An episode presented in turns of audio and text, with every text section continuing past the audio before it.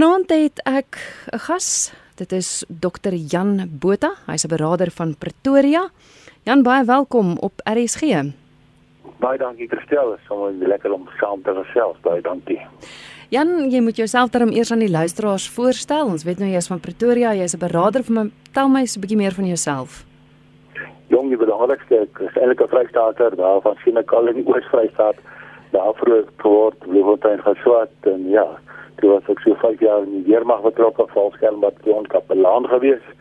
En ek is nou 33 jaar in Pretoria van my 63 jaar ek nou langer op Bloubull as 'n vrystaater maar skree nog steeds. vir die Vrystaat uit die hart van die saak. En ek het so 35 jaar gelede my pastorale spreekkamer begin.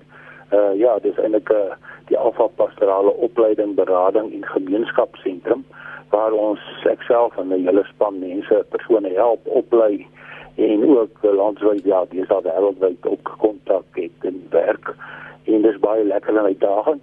En nou is al die jare per kant ook in gemeente, so by Valskermbajon en toe hier in Florida en die gemeente 18 jaar deeltyds uh dis ek uh, aan die ander kant van die berg hier in uh, Pretoria Noord uh, by Jelofdal en toe ons saamgesmelt moet verlei waar ek nou nog steeds is ons drie kollegas is en ja so ek doen nog tweede kant werk uh, groot gedeelte van my werk en dan die spreekkamer wat ou mense help as hulle koöperasies myne of jy nie mooi duidelikheid oor besluite wat jy neem of jy so 'n bietjie raad of as ek sê as jy motor vat vir 'n diens jy kom bietjie vir 'n diens en jy het hier en daar regstellings en verstellings nodig dan hou jy in die lewe of jou huwelik of jou verhoudings net soveel beter en langer.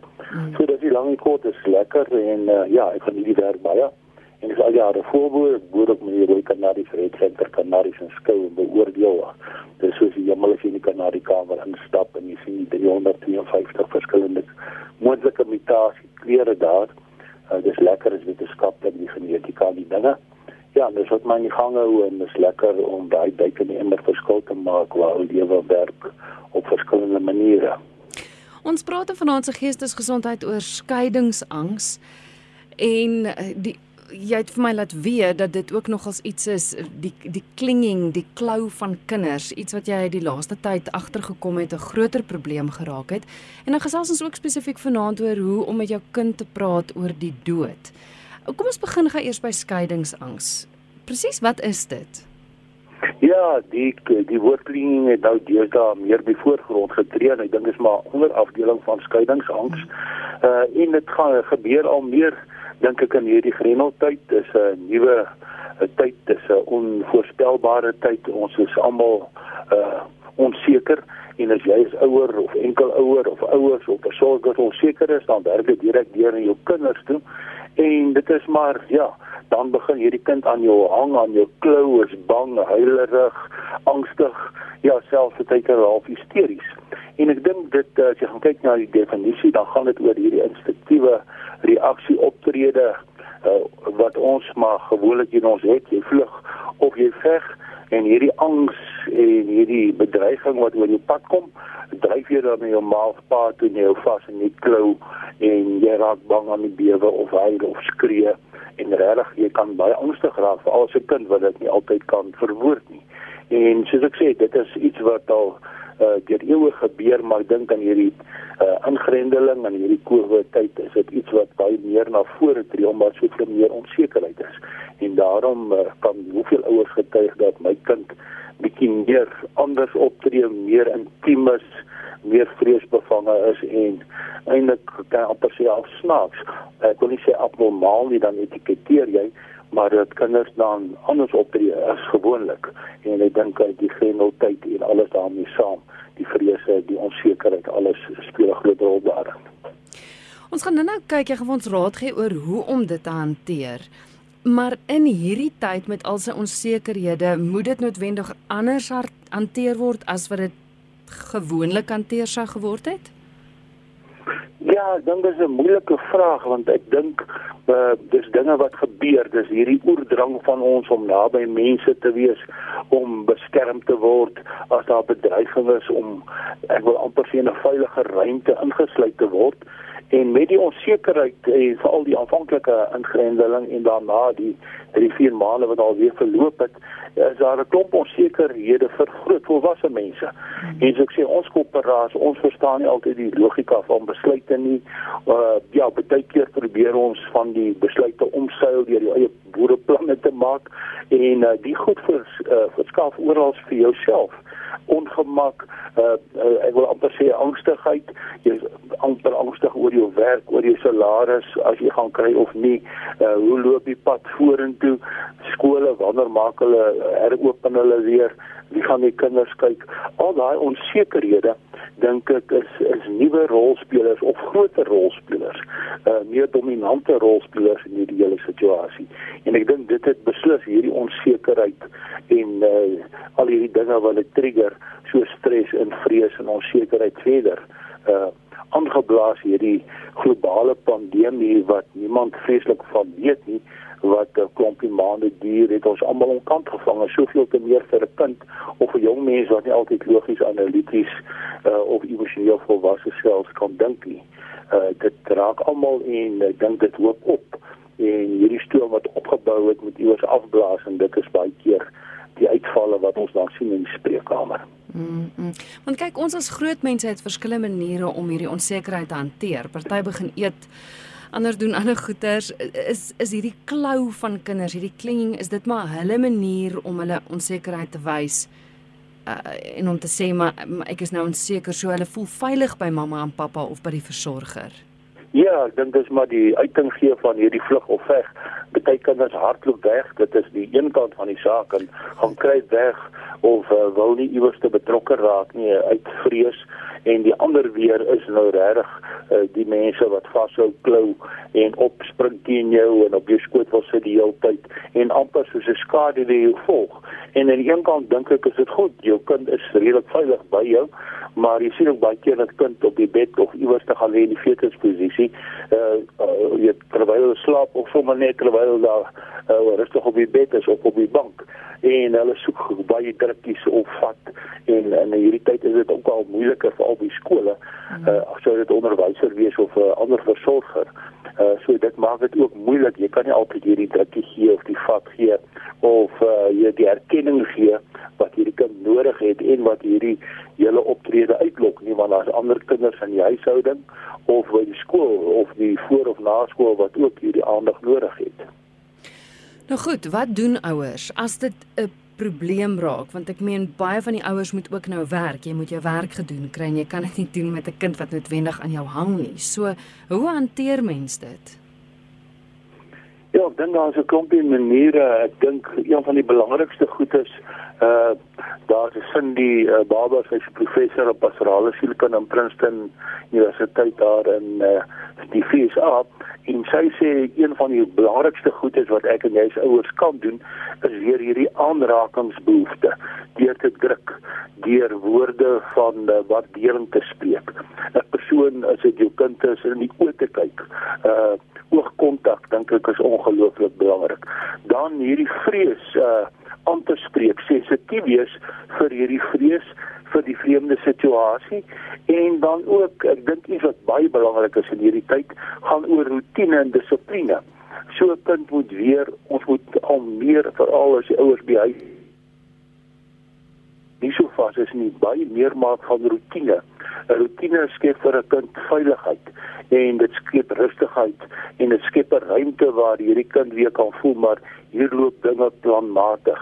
Dis nie deur mekaar geskarrel en dan moet ons vinnig dit doen en net dat en nou staan ek so laat op en net moet gaan slaap nie. En dan dink ek ook 'n uh, uh, uh, mens moet regtig moeite doen om die kinders uh, proaktief besig te hou met speletjies, met uh, ja, uh, ek dink daar's baie vragies wat jy kan vra vir kinders oor die lewe. Uh, ek dink uh, ek dink vandag aan die natuur, jy kan bietjie so toets doen na dit jou kinders hoe ken die voëls in die tuin of wat se plante, bome is daar in die tuin. Uh laat die kinders net weer bietjie anders besig is as om voor die televisie te sit of op die rekenaarskerm te werk of om uh, te speel op sy selfoon. Uh ek dink net dit dit is 'n manier om jou kind proaktief en sinvol besig te hou. en dan sommer net vir jou kind onvoorwaardelik lief te wees. Ek dink dit is dit is seker een van die belangrikste goed en uh, saam met die rotine is dissipline. Ek dink kinders wat wat onbeheerbaar raak, wat die hele tyd jou skadu wees en jou volg, uh kinders wat bang is, het weer daardie versekering nodig. Daar is dissipline nodig. Jy praat een keer, 'n tweede keer en dan moet jy redelik ferm op 'n manier optree om weer bietjie dissipline in te bring en dit weer vasstel op 'n mooi manier wat is fout waarvoor is hy of sy bang of aan die ander kant te sê maar ons gaan net daaroor praat raak net 'n keer rustig en deur die dissipline dink ek kom maar ook 'n veilige ruimte en mens kan van daar af vasvat. Is daar dinge wat mens verkeerd kan doen? Bedoelende as jy dit nie reg hanteer nie, kan dit skade veroorsaak. Ja, ek dink daar's 'n klomp goed. Uh, Prof Steven Myers, hy's 'n sielkundige professor van Roosevelt Universiteit in Illinois in die, in die FSA. Hy sê daar's daar's sekere oorsake wat waarvoor ons moet uitkyk en wat die sake kan vererger en dit gaan hoofsaaklik oor vrees en angs vir die opdoen vir die, van die siekte want hierdie gogga kan ons nie sien nie. Mm. Dan vrees vir hierdie onsigbare gevaarlike vyand. Dit sluit daarbey aan en dan vrees vir die dood wat ons later bietjie gaan hanteer uh, ja, kinders, jong mense verstaan en ek dink groot mense verstaan dit eens mooi nie. Hoe lyk die dood en hoe werk dit? En dan vrees vir alleen wees en sonder veiligheid van mense wat jy omgee daar is, die bekende mense. En vrees om sonder my maats te wees, uh geen normale interaksie en sosialisering nie. En dit alles uh, ja, elke mens is uniek, elke kind is uniek, elke konteks waar binne so 'n kind lewe is uniek. En dan die emosionele samestelling van mens tot mens verskil. En hierdie hele diversiteit in jou eie mens wees uh, teenoor die gesinslede of by die skool of by oupa en ouma maak die situasie nog soveel moeiliker. En daarom moet ons kyk na hierdie tipe oorsake as jy hulle kan minimaliseer en uh, proaktief optree dan gaan dit net beter situasies skep waar daar meer veiligheid is in 'n veilige ruimte en waar vertroue opgebou kan word en deursigtigheid en goeie kommunikasie. Hmm. Ja, luister nou geestesgesondheid. My gas vanaand is Dr. Jan Botha, beraader van Pretoria. En ons gesels oor skeiingsangs, maar ook oor hoe om met jou kind te praat oor die dood. Baie dankie hele paar SMS'e wat al deur gekom het. Jan, ons as groot mense praat nie eers noodwendig oor die dood nie. Dis nie 'n 'n 'n punt wat ons wat ons van hou om oor te praat nie. Baie van ons is onseker daaroor, maar dis asof die dood al hoe nader gekom het nou met dit wat ons beleef. Ons word konstant elke dag daarmee gekonfronteer. Hoe praat ons met ons kinders daaroor? Ja, ek dink daar's 'n klompie goed wat belangrik is vir die weermag het altyd gesê dat nie te nou beginsel is belangrik. In die oorlog het jy net sekere goed kon vertel wat met jouself gebeur het of wat in 'n sekere operasie daar in 'n slagveld regtig gebeur het of sou gebeur het. Almal kan nie weet eh, in die beplanning van so 'n veldslag wat presies sal gebeur nie. So op sekere vlakke weet jy sekere goed te vertel goed en moet dit op 'n manier uitvoer. Dink dieselfde gaan oor 'n kind uh wat soveel uh, minder as ek as jy en jy is groot mense logies analities kan dink. En uh ek moet op hierdie kind se vlak afhangende hoe oud hy of sy is hoe emosioneel ryp hierdie kind is geestelik uh fisies volwasse uh, gebou uh en dan ook kyk na hierdie kind op verskillende vlakke hoe gaan hierdie kind dit moontlik kan uh hanteer? Ek moet antisipeer en bietjie vir myself dink as 'n groot mens of 'n volwassene of 'n oupa, wat gaan my kind nou dink uh, as ek dit doen of dit sê? So ek dink om uh, in die kind se kop te kom en as die kind begin vra, vra die vrae te antwoord en nie honderde ander vrae aan die kind se kop te plant noodwendig nie of slim te probeer wees en nog 'n klomp ander vrae stel nie. Nee, probeer maar net so eerlik as moontlik die vrae wat die kind al reeds stel te beantwoord en dan op sy vlak soos ek sê en so eenvoudig as moontlik en dit ook dan miskien te koppel aan praktiese dinge wat aan die gebeur is rondom die kind wat in sy lewe wêreld gebeur of wat hy of sy miskien al beleef het of sou beleef het daaraan te koppel en dan van daar af verder te praat en lyne te trek. Hierso is 'n luisteraar wat 'n SMS vroeër gestuur het wat sê en dis nie noodwendig kleinkinders nie, maar die luisteraar sê goeienaand, uh dit is vir my niks om oor die dood te praat nie, maar my kinders wil nie eens dat ek daaroor begin praat nie. Hulle is al groot en uit die huis uit. Hoekom is dit so 'n ek wil sê taboe onderwerp nie, maar hoekom is dit dat mense nie hou daarvan om oor die dood te praat nie? Ek dink die die dood stel ons bloot, die dood maak ons ek sê Engels sê humble, dit maak ons nederig beskeie. Maar is een ding wat, wat ons nie kan reg kan manipuleer, wat ons nie hou vas het of wat ons altyd kan uh, noodwendig soos ek sê beheer nie. En omdat jy nie noodwendig kan beheer nie, uh, is jy so skrikkerig. Jy weet nie wat kan hier uit die bloute met jou gebeur nie. Hoeveel mense in die spreekkamer en ek as dominee in die oorlog moet jy vir 'n ou gaan sê, maar sy vrou is net dood in 'n motorongeluk. Onverwagse goed. En ek dink die onverwagse en die onbekende wat saam met die dood uh, gaan uh, dink ek speel 'n groot rol dat mense nie regtig daaroor wil praat nie. En ek dink uh, uitskrieg het het aan my studente daar die goue kring het beleef daar in Skyna Theater in Bloemfontein opgevoer wat gaan oor daar moet geboorte wees en daar moet dood wees. Uh, kinders mense moet gebore word, maar mense moet op dood gaan. Dit is maar die lewensloop. En ek dink in ons wêreld wat baie plasties is, uh ja, postmodernisties is, waar daar baie afstand is tussen mense in 'n sekere sin, uh is jy nie meer betrokke by al hierdie fases van lewe nie. Ek dink baie keer ek sien in die gemeente as ek jong mense vra, kom ons gaan help bietjie daar by die ou mense by hy silverkroon. Dan sal hulle al bang en angstig nie oom dit reik dan nie lekker nie of wat daai oomie, hy kan nie lekker onthou nie. Dis bietjie uit jou gemaksone aan die een kant, Maar die ander kant is hulle 'n paar keer daar was en sê hulle, "Wow, dis wonderlik. Ek het daai oomie so goed leer ken." By geleentheid het hulle so lief geraak van die oomie waar hulle eie oupa en ouma oorlede was al 'n paar jaar gelede. Het hulle elke Sondag hierdie oom gaan haal om by hulle te kom eet. Toe hy sterf, het hulle meer oor hom gehuil as oor oupa en ouma. Hoekom? Hulle moes hierdie risiko neem. Hulle moes hierdie grens oorsteek en sê maar ek gaan waag om by hierdie oom betrokke te raak. En dieselfde is die dood. Ek dink ons praat te min met ons kinders daaroor en uh, die dood is daar ver. Die dood is in 'n kus. Die dood is daar by lijkhuis by afwop of by die hospitaal. En uh, voor jare het mense in die huis dood gegaan. Jy het vir oupa daar gesien waar hy dood gaan en uh, hy het miskien gehoes en geproes 'n paar keer en daar gaan hy in vrede en dit lyk of oupa slaap sy oë is net toe. En dan het, kon jy ruk daar by oupa wees en jy kon rustig praat en kon bid en mense kon kom. En eers later, heel wat later sou hulle kom haal het of hoeveel ou mense die kussing op die plafon gehad of hier bo in die solderkamer en vir oupa of ouma daar gekus en jy die hele proses gesien.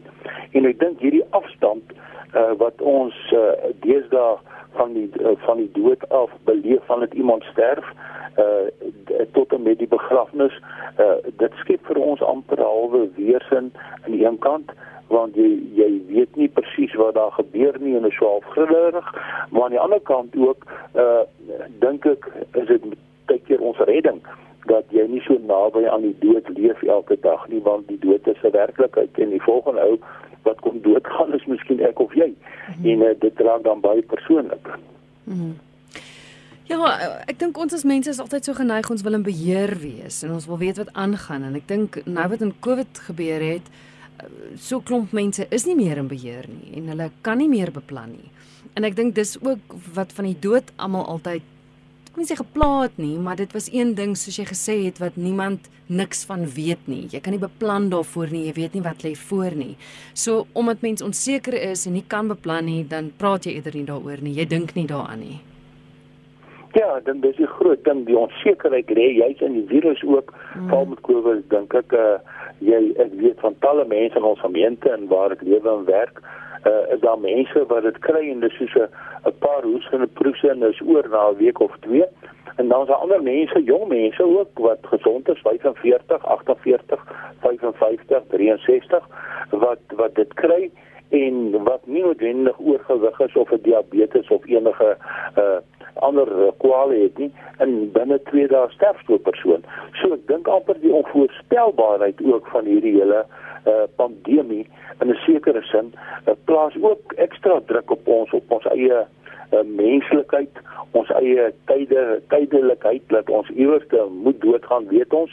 En in in die verlede het ons altyd gesê vir ou mense, uh, was dit 'n bekende sê ding in ouer huise, aftreeorde ensovoorts dat die winter is eintlik God se tyd wanneer hy soveel mense kom haal deur die griep of bronchitis of uh, longontsteking. Uh, ek het nog nie eintlik van jaar mense gehoor wat verlede talle dood is aan longontsteking nie. Uh, ek dink meeste van die uh, persone word dan gesê is dood aan COVID en ek dink dit is nie noodwendig korrek nie. Ja. Maar ja, so dit is dit klop aan ons deur en soos jy sê dat ek nie kan beheer nie, dat ek nie regtig weet nie. Daai onbekende maak my kop baie keer bietjie dol van laat ek wonder nou wat nou hoe net as ek volgende. Of wat gaan ek maak as my man of my kind of my ma wat 80 is dit kry. Dit raak aan die een kant naby aan jou en baie onverwags en onbeheerbaar en dan moet jy die bal van die heup af speel en sê hoe gaan ons nou hanteer as dit gebeur? Is ons 'n boodskap van 'n ouma wat sê my kleinseun, hy's nou 14, wil glad nie praat of foto's kyk oor sy oupa wat 6 maande gelede oorlede is nie. Hulle was baie naby aan mekaar gewees. Ek weet nie wat om te doen nie. Hy antwoord min op enige vrae. Ja, jy sien is ons is baie keer daai groot verlies. My oupa en ek was baie naby aan mekaar en nou verloor ek hierdie man, hierdie rolmodel en baie kinders se gevalle is die oupa wie is daai rolmodel. Daar is nie 'n pa nie of hy's te treurig of afwesig as gevolg van werk ensovoorts. En nou verloor ek my oupa en dit so diep seer en kinders of ouma of my maag verstaan nie noodwendig nie dat ons so naby mekaar was nie. En ek dink dit is deel van hierdie dood uh, normale uh, rouprosesse dat ek hierdie stuk uh ontkenning aanvanklik woede aggressie en dan raak dit later hierdie angstigheid en skuldgevoelens. Uh as ek maar net vir oupa dit gedoen het of hom dit gesê het en nou raak ek angstig en self depressief en daarom moet uh, die ma uh, vir ma in die geval ook uh, fyn kyk na so 'n kind want uh, ek moet deur hierdie normale rou smart prosesse gaan. Uh baie keer kan ek stagneer of vashak uh op een van hierdie fasette of ek kan wissel tussen hulle op uh, binne een dag kan daar woede wees uh, die komediere my oupa kom mal so vinnig.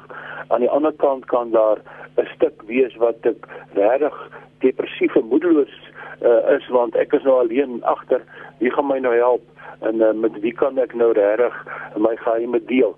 Uh, met wie kan ek uh, uh, ek wil sê argumenteer oor my rugby of cricket en dit ra, uh, laat groot leemte en ek dink dit is baie keer die die krisis ek dink uh, ek het 'n goeie vriendin van my wat op kinderlike sielkundige is dan die presies nou daar gepraat en veral by kleiner kinders ook is dit 'n groot ding uh, dat jy die kind moet help om te onthou.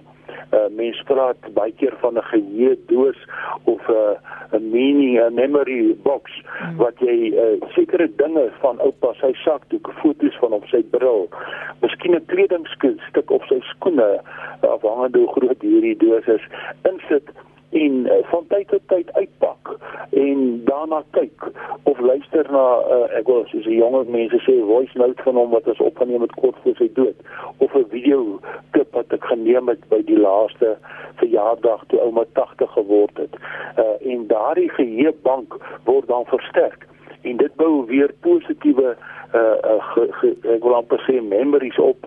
Ek begin weer onthou en nou kom daar baie stories stories oor oupa, dit wat jy en oupa saam gedoen het, onthou julle nog?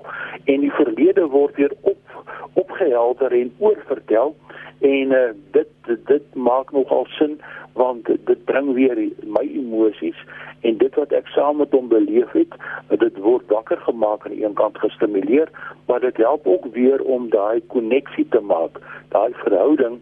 Ja, dit was so goed. Uh ons bou hierdie geheuebank kan jy sê en die waardes wat ek aan oupa gedeel het byvoorbeeld sulke dinge is belangrik. En uh dit hang af vir ou die kind is om watter vlak maar dis goeie maniere om te vertel. Partykeer lekker saam te lag maar ander kere sommer regtig te huil in die trane spat oor die verlies uh, van 'n oupa of van van 'n ma of 'n vriend naby jou. En ek dink baie keer as ons dink aan die dood dan uh, ek is so bang in die kerk ook weet dit so amper heilig stroef. Ek het al begrafnisse bygewoon wat ek gelag het dat my maag seer is. Nie omdat die ouens ligsinnig is oor Piet wat dood is nie. Ek het, ek sê altyd ek spot nou ek het nog nooit 'n slegte in, in in my 35 jaar as dominee begrawe nie. Uh jy hoor altyd hoe goed daai persoon was in die kus daar voor die kerk of waar die kus ook al is op die liggaam. Ek dink 'n paar van daai ouens kom op en stap sy kop teen die kussedeksel en dog op, ek is by verkeerde begrafnis. Hulle het nooit meer gesê terwyl ek geleef het nie. Ja. En dis wat ek hier die hartseer ons vier so min. Ek wil sê ons moet die dood vier want as Christene is die dood mos nou nie die einde van die lewe nie dis 'n ander vorm van bestaan. Ek sê altyd persoonlik dis dis nie 'n punt in my lewe nie, dis hoekom maar my lewe gaan aan op 'n ander wyse manier wat ons nie altyd mooi verstaan nie, wat daar nie altyd baie antwoorde is nie, maar ons moet meer die dood vier. En ek sê as Jan Botha die dag gaan met vreugde, dan moet hulle daai dag 'n glasie wyn drink en sê ja, daai het hy nou gegaan. Maar het hy duik daarom gemaak? Het hy 'n nalatenskap? En oor daai duike nalatenskap dis iets om oor te gesels.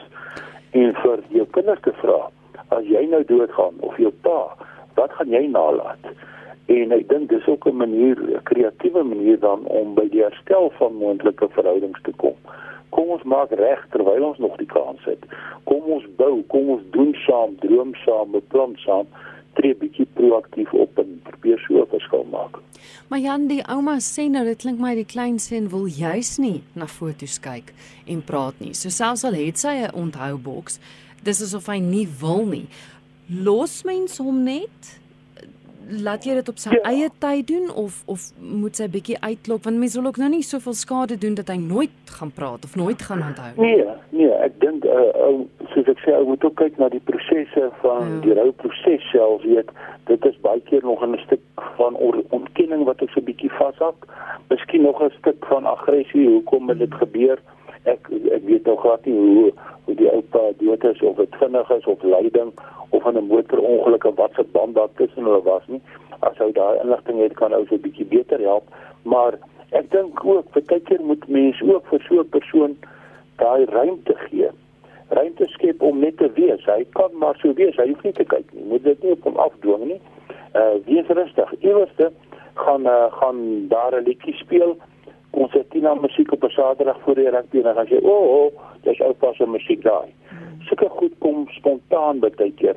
Uh dit word baie keer getrigger deur 'n gedagte, 'n belewenis van die see, hierdie blare wat val, oupa ook met voetjies geboer of toe ek aan oupa gehengel het, ek sien iets van hengel op die televisie en daar word dit getrigger of ontlaat en nou begin 'n gesprek. So ek dink baie keer kan ons iemand dwing of verwag 'n persoon moet daaroor praat ek sê dit baie keer nie. Laat 'n persoon bietjie rustig raak se jongs mense sê bietjie chill of mif op hierdie gedagte en rustig wees. Ja. en iewerste gaan so 'n persoon begin praat. As jy sien hierdie persoon raak heeltemal depressief en onttrek van die maats en uh, vriende en familie dan moet hy begin verder kyk. Dan kan dit uh, ja dan kan dit uh, nadelige gevolge hê vir vir hierdie persoon en die mense rondom hom of haar. Hmm. maar ek dink om te wag en fyn te kyk en net daar te wees uh, is baie keer beter as om te vra om te dwing om te sê kyk nou na oupa se foto's of wat ook al. Goed. Nou Janek het vroeër 'n uh, SMS gekry van Annetjie wat sê my seun het 'n week en 'n half voor lockdown homself vergas. Sy dogtertjies is 2 jaar en 1 jaar. Hoe en wat verduidelik ek vir hulle? Ja, ja, dit is verskriklik, dit is so moeilik. En ja, dit is so hartseer ek sê altyd, ja, selfdood is verskriklik vir die persoon wat hulle doen maar ook vir die mense wat agterbly. En uh om nou vir daai dogtertjie van 2 en 1 te verduidelik is so moeilik want wat verstaan 'n dogtertjie van 1 of 2 jaar? En ek dink wat ek net gesê het is belangrik uh miskien by die dogtertjies te hoor wat daar vra, jy weet, op verskillende maniere of probeer onthou wat hulle uh wat hulle gedeel het met pa, maar jy weet 'n kind van 2 kan nog nie eens oordentig verbaliseer dit wat ek dink en beleef nog minder. En daarom dink ek sal so 'n kind miskien deur fotos uh of prentjies wat hulle saam geteken het of iets wat sy en pappa saam gedoen het kan miskien seker emosies van hartseer of woede of uh, ek wil op sê uh teruggetrokkenheid onttrekking selfs uh, voortbring by so 'n kind uh, want sy weet nie om dit te verbaliseer sy kan dit nie rasionaliseer en uitdink wat nou gebeur het nie. En so kind kan dan 'n woede by hier begin slaan sommer net of aan die huil raak amper hysteries of 'n tantrum gooi soos hulle sê. Uh en uh, dit is baie moeilik vir so 'n kleintjie. Wat ek wel dink is ook dat 'n ou as ma of ouma of iemand wat naby aan hierdie kinders is ook saam met hulle sagte pad loop. En juis uh, as hulle ook bietjie groter is en nou ook foto's wys en positief praat oor pa en stories vertel oor pa.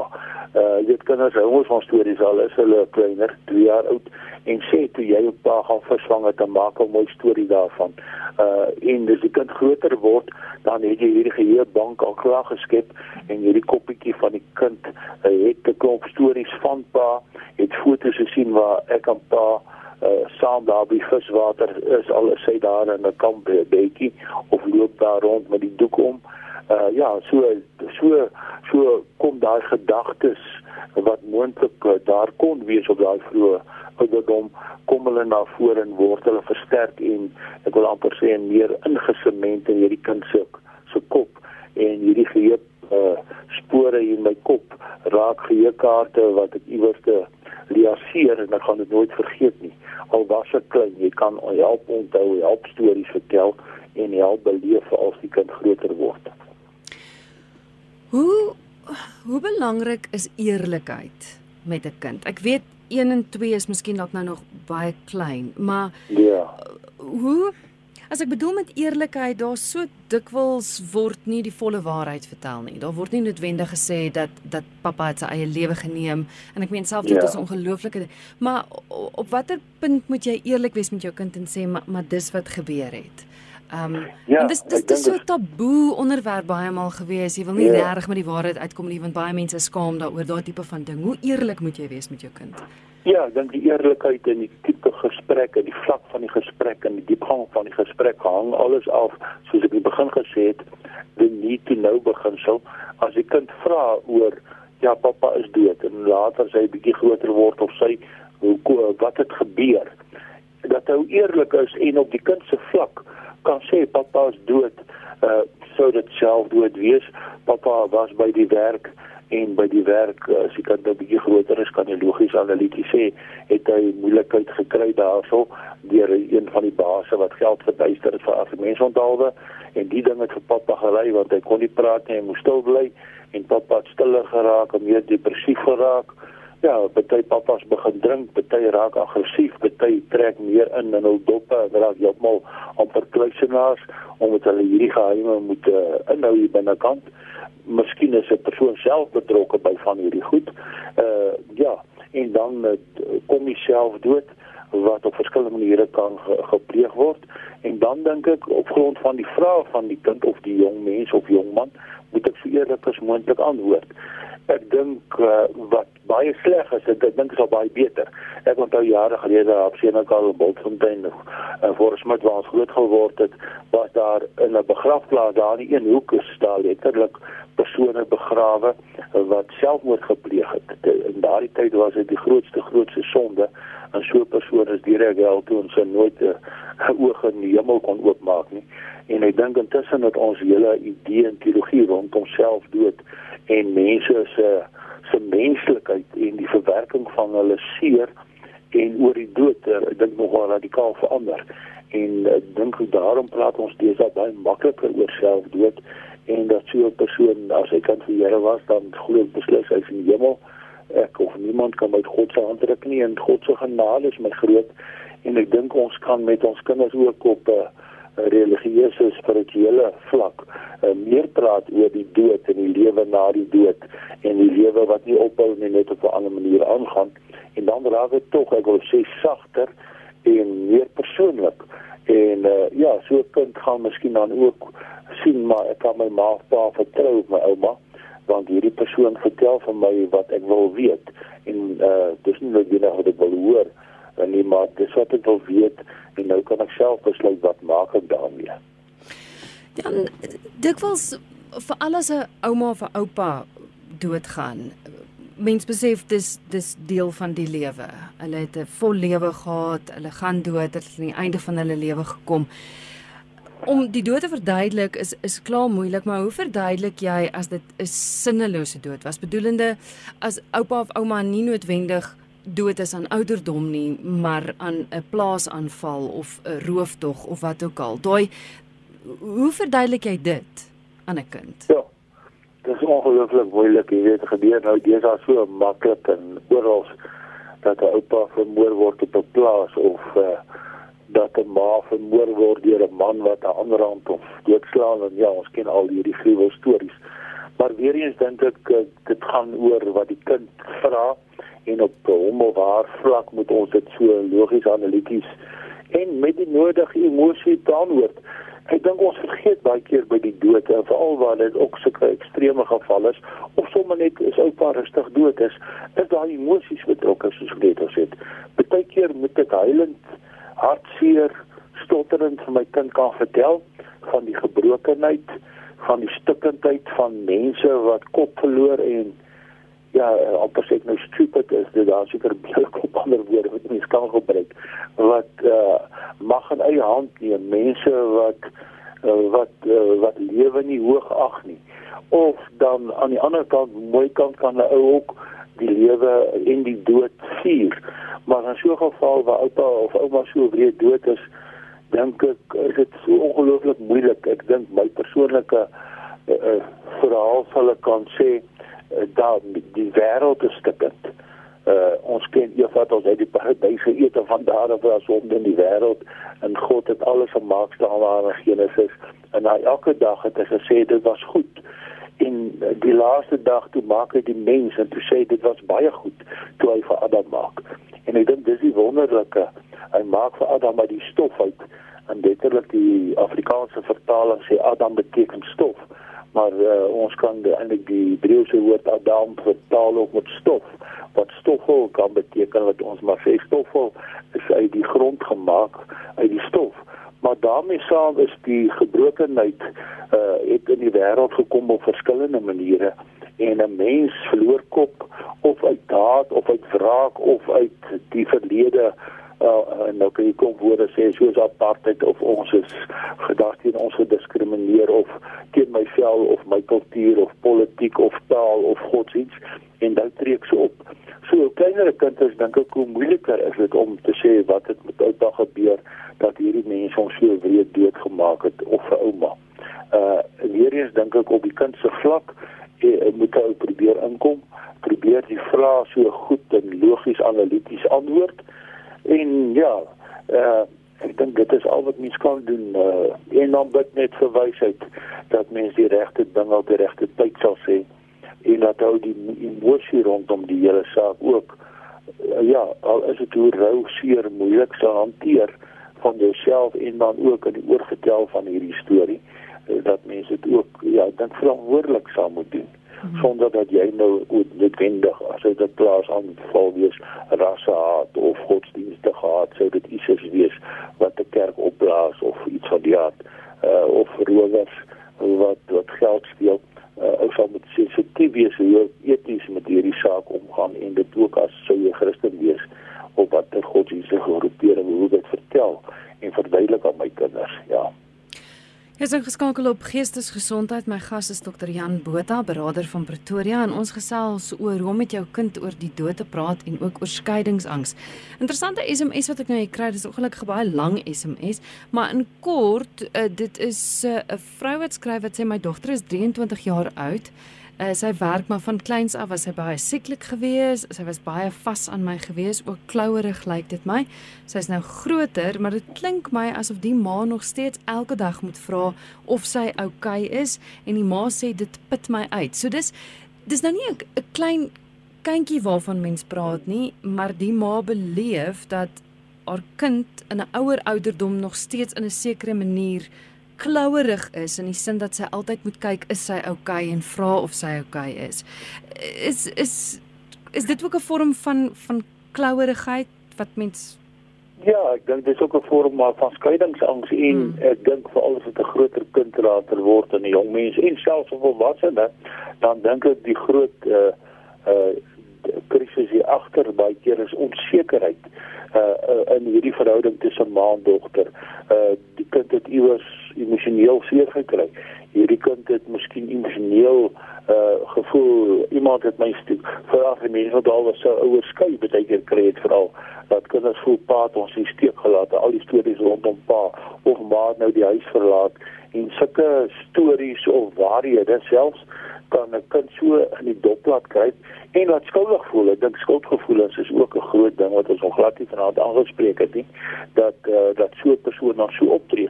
As ek maar meer gehoorsaam was of as ek meer aandag vir pappa gegee het as hy laat by huis kom en het miskien 'n dop gedrink of wat ook al, dan sou hy ons nie gelos het nie.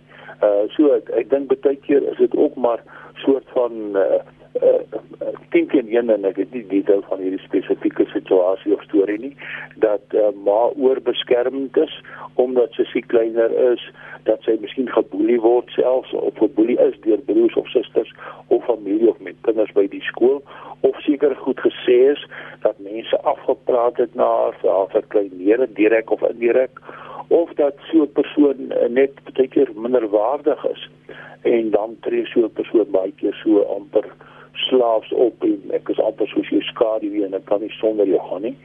Ek dink al raad wat ek kan gee is om daar te wees vir hierdie persoon soos altyd, maar ook die kind bietjie te speen, dit klink nou vreeslik te speen, los te maak van jou roksbande, te laat uitgaan saam met maats of bietjie saam met ander mense uh, kerk toe te gaan of te gaan jag saam met hierdie vriendegroep of sommer net te gaan 'n goeie film kyk saam met weer ander mense dat dat die kind ook of jong mense aan blootgestel word aan nuwe uitdagings en ook nuwe grense wat daar gestel word. Uh nuwe risiko's wat geneem moet word. En ek dink baie keer tree so 'n persoon jy so op omdat ek aan die een kant nooit geleer het om risiko's te neem of grense oor te steek nie of aan die ander kant te vinnig in sulke situasies ingedwing het gedwing is en dan seer gekry het. Nou onttrek ek is ek bang.